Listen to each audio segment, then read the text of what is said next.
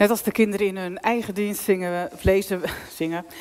Dat kan ook, want Deborah zingt ook een lied. Maar we gaan lezen uit het Bijbelboek Rechters. En dan is het goed om je te bedenken dat de rechters, waar het Bijbelboek naar vernoemd is, dat je die niet helemaal kunt vergelijken met de rechters in onze tijd. De Bijbelse rechters die doen veel meer dan alleen maar recht spreken. Zij zijn leiders, leiders van het land.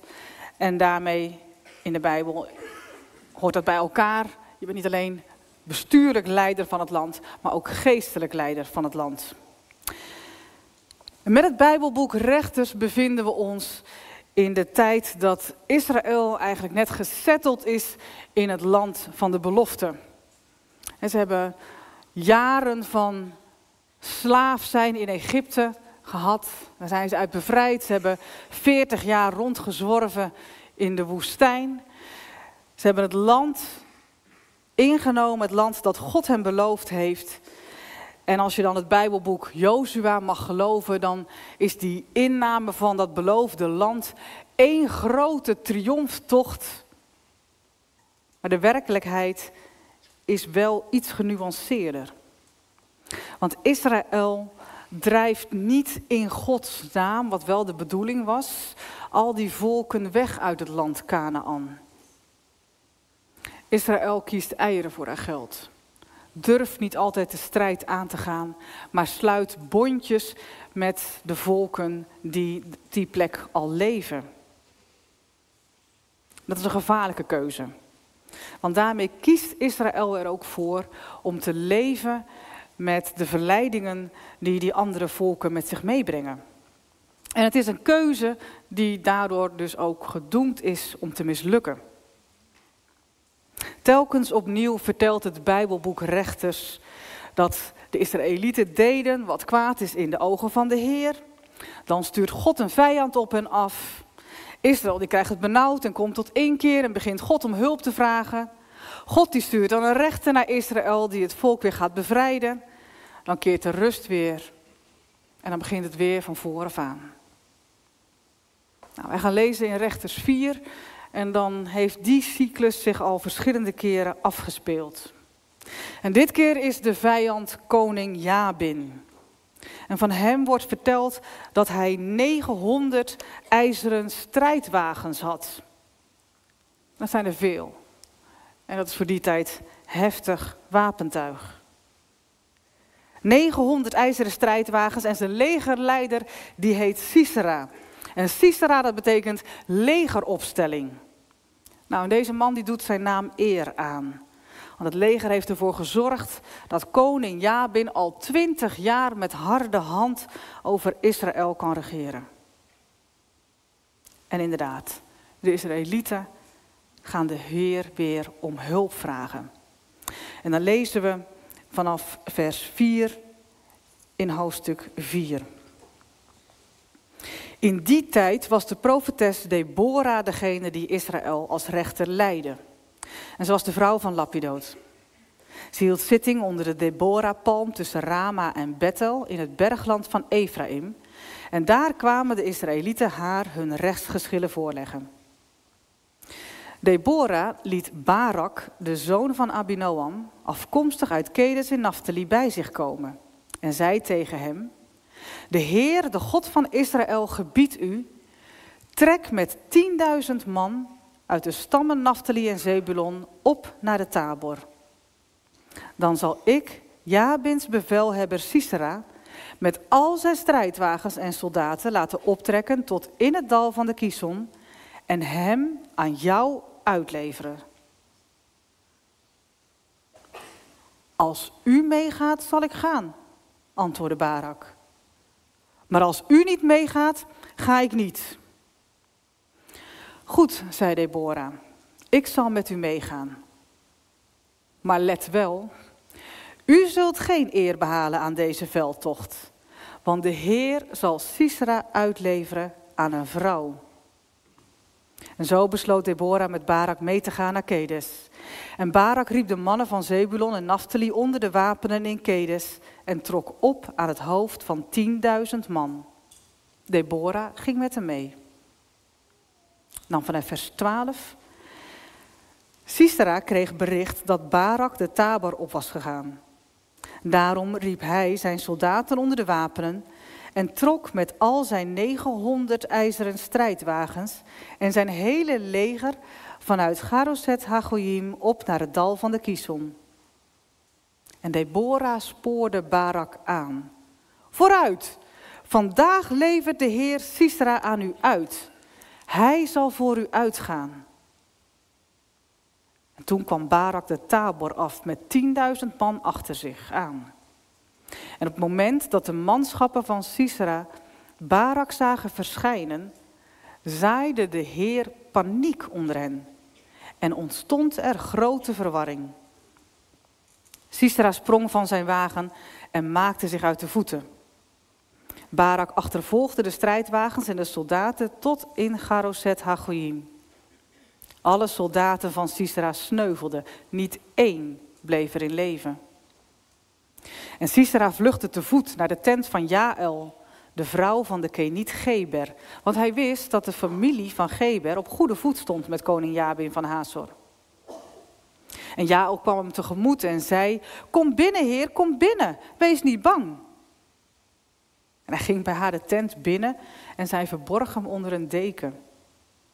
Geef me wat water te drinken, vroeg hij. Ik heb zo'n dorst.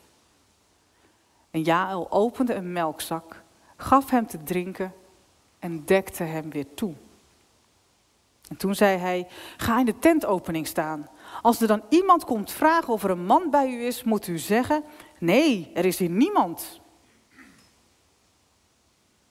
Maar Jaël nam een tentpin en een hamer en sloop de tent binnen. Ze sloeg, terwijl hij daar uitgeput in slaap lag, de tentpin dwars door zijn hoofd de grond in, zodat hij stierf. Op dat moment kwam Barak eraan, op jacht naar Sisera. Jaël ging hem tegemoet en zei, kom, ik zal u de man laten zien die u zoekt. En Barak ging met haar naar binnen en daar lag Sisera dood, met de tentpin door zijn hoofd. Zo bracht God koning Jabin van Canaan in zijn strijd met de Israëlieten een zware nederlaag toe. Daarna wist Israël koning Jabin steeds verder terug te dringen, totdat ze hem hadden vernietigd. Nou, het Bijbelboek Rechter staat eigenlijk vol gruwelijke verhalen. Het is eigenlijk niet de manier uh, die je bij God verwacht. Maar zo haalt Israël op dit moment in die tijd van Deborah de overwinning.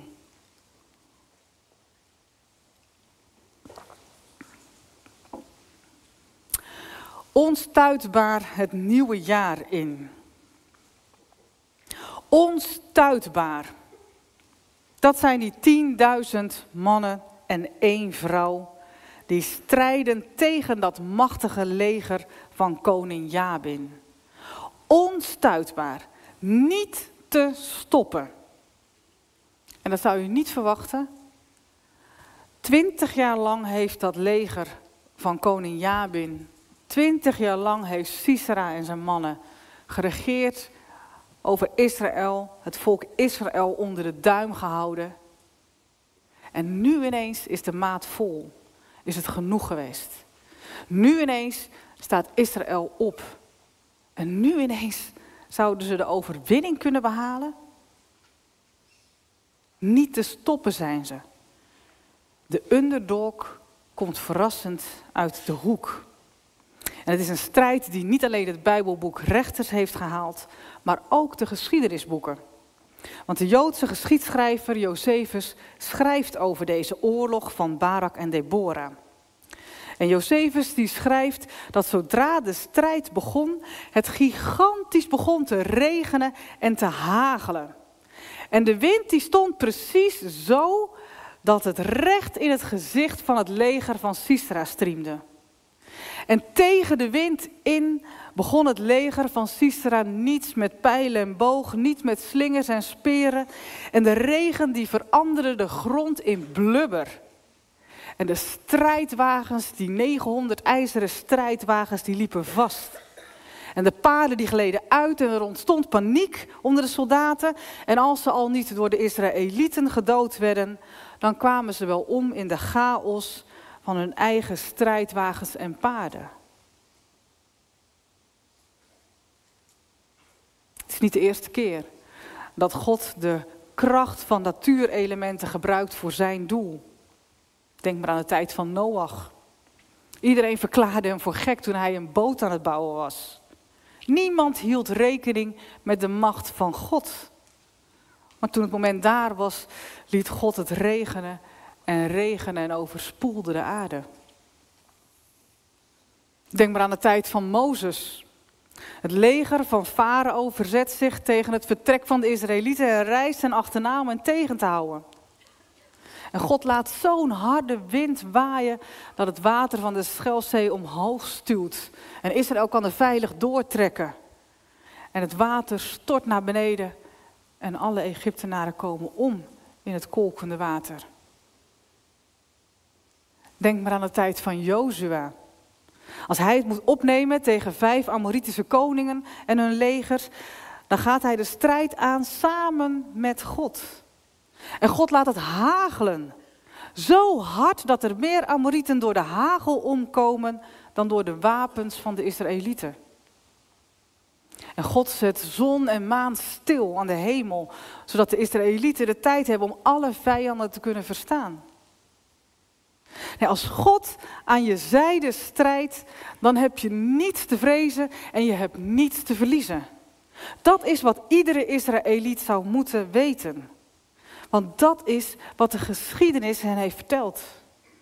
En als Deborah dus tegen Barak zegt: Ga je gang, neem een paar mannen mee, 10.000 is genoeg. Ga de strijd aan, want God geeft je de vijand in je macht. Dan zou Barak met een gerust hart zijn mannen moeten verzamelen en met een gerust hart de strijd kunnen aangaan. Omdat de geschiedenis hem dat geleerd heeft. Dat als God aan je zijde strijdt, je niets te vrezen hebt en je niets te verliezen hebt. Maar Barak durfde niet op te vertrouwen. Onstuitbaar? Hij en zijn tienduizend mannen? Nee, ze maken geen schijn van kans. En als hij er al niet in gelooft, hoe moet hij dan die tienduizend mannen overtuigen? Hoe moet hij dan zijn troepen aanvoeren? Snap wel dat hij tegen Deborah zegt: Ik ga alleen als u meegaat. En als u niet meegaat, ja, dan ga ik ook niet. Als jij het dan allemaal zo goed weet, als jij er dan wel vertrouwen in hebt, nou, be my guest, laat het maar zien dan.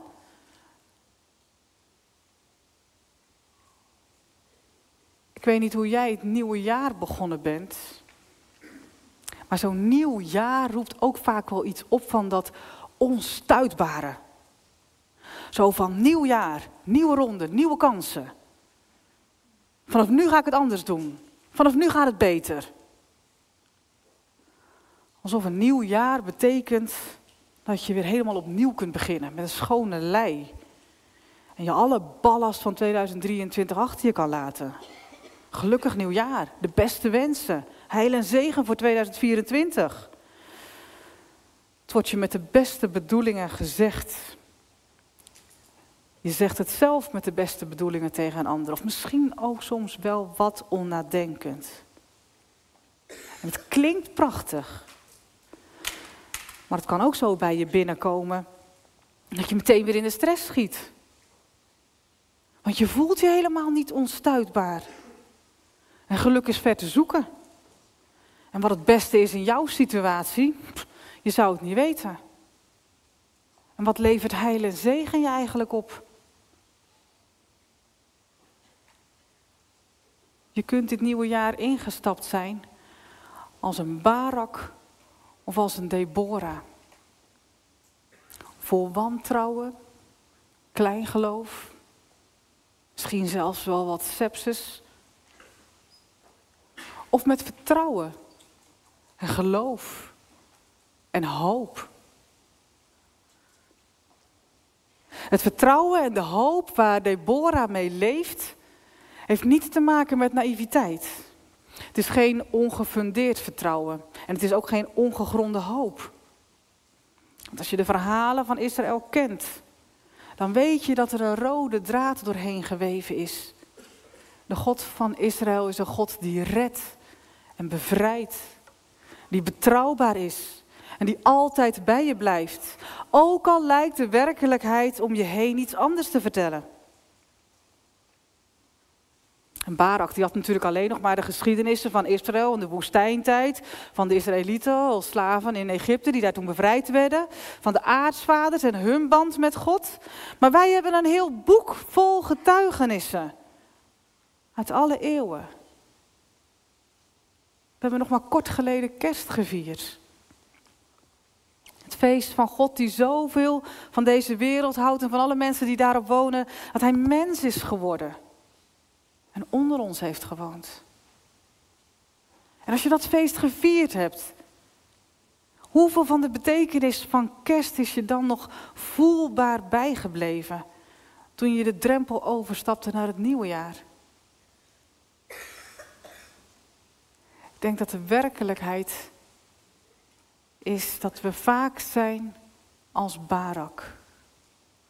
Het positieve en het krachtige dat beklijft minder dan het negatieve, het moeilijke, het zorgelijke. En heel eerlijk, heel veel situaties zijn ook ongelijk. IJzeren strijdwagens tegen een paar ongetrainde mannen te voet. David tegen Goliath. En in de Bijbel lezen we wel dat de underdog steeds wint. Maar in ons leven is dat toch vaak anders. Zijn het vaak de mensen die al kwetsbaar zijn, die verliezen? De mensen die huis en haard al hebben verlaten, die dan vervolgens ook nergens anders plek krijgen. En gelukkig hier dus wel. De mensen die om welke reden dan ook niet lijken te voldoen aan de norm normaal. Die in eenzaamheid wegkwijnen. Mensen die al zoveel dierbaren zijn kwijtgeraakt. En dan zelf ook nog getroffen worden door een ongeneeslijke ziekte. In ons leven zijn het vaak de underdogs die gewoon opnieuw verliezen. Tenzij, tenzij je als Barak een Deborah ontmoet. Tenzij zich er een Deborah om jou bekommert. Tenzij jij gezien wordt door een Deborah. Iemand die met jou de zorgen en de moeilijkheden aangaat. Iemand die met je meegaat. Die naast je staat, je steunt en je sterk maakt. Omdat een Deborah Gods aanwezigheid met zich meebrengt omdat een Deborah de belofte met zich meebrengt dat God zelf voor jou strijdt. Ik zei net dat je dit jaar kunt ingestapt zijn als een Barak of als een Deborah. En dan lijkt dat een tegenstelling te zijn, maar zo zwart-wit is het natuurlijk niet.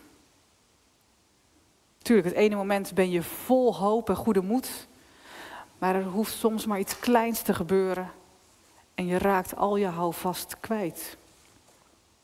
En andersom ook.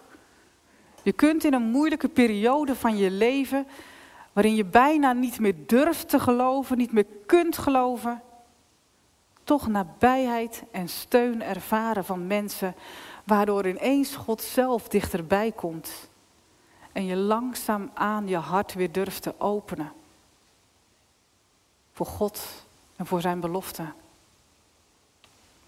het bijzondere van een, een gemeente, van een gemeenschap, is dat het een verzameling is van Baraks en Deborah's. Binnen de gemeente is er ruimte voor de Baraks om te zeggen: Als jij meegaat, dan zal ik meegaan. En voor de Deborah's zijn er volop kansen om te zeggen: Goed, Ik zal met je meegaan. Ik blijf bij jou. En als je zo samen optrekt als Baraks en Deborah's, dan ben je onstuitbaar. Dan heb je reden om te zingen zoals Deborah zingt. Heer, laat zo, zoals legeroverste Sisra, laat zo al uw vijanden ten onder gaan en maak wie u liefhebben onstuitbaar als de opgaande zon. In elke moeilijke situatie worden wij op de proef gesteld. Op wie of wat stellen wij ons vertrouwen? En het is heel gemakkelijk om je te laten intimideren door het imposante van deze wereld. Door alles wat andere mensen hebben. Door de vernietigingskracht van geavanceerde wapens. Door het lef en de sluwe overredingskracht van mensen met macht. Het is niet zo moeilijk om omvergeblazen te worden door slecht nieuws, door een negatieve uitslag, door tegenslag. Maar het is niet het einde. Zelfs niet als je sterft. Het is niet het einde als je op de Heer vertrouwt. Zo zeker als de zon elke dag opkomt, daar heeft niemand van ons twijfel over die morgenochtend weer opkomt. Zo zeker als de zon elke dag opkomt, zo zeker zul je overwinnen als je op Hem vertrouwt. Onstuitbaar het nieuwe jaar in. Niet te stoppen. Want ook al ben je de underdog, God is bij je. Als je net als Deborah naar Hem luistert.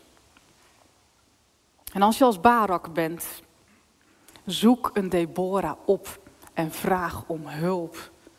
Ga met me mee. Help me. Blijf bij me. Samen zijn we onstuitbaar als de opgaande zon. Amen.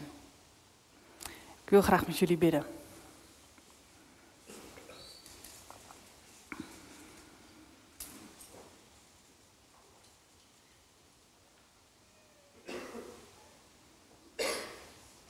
Grote God, wij mogen u danken voor uw trouw.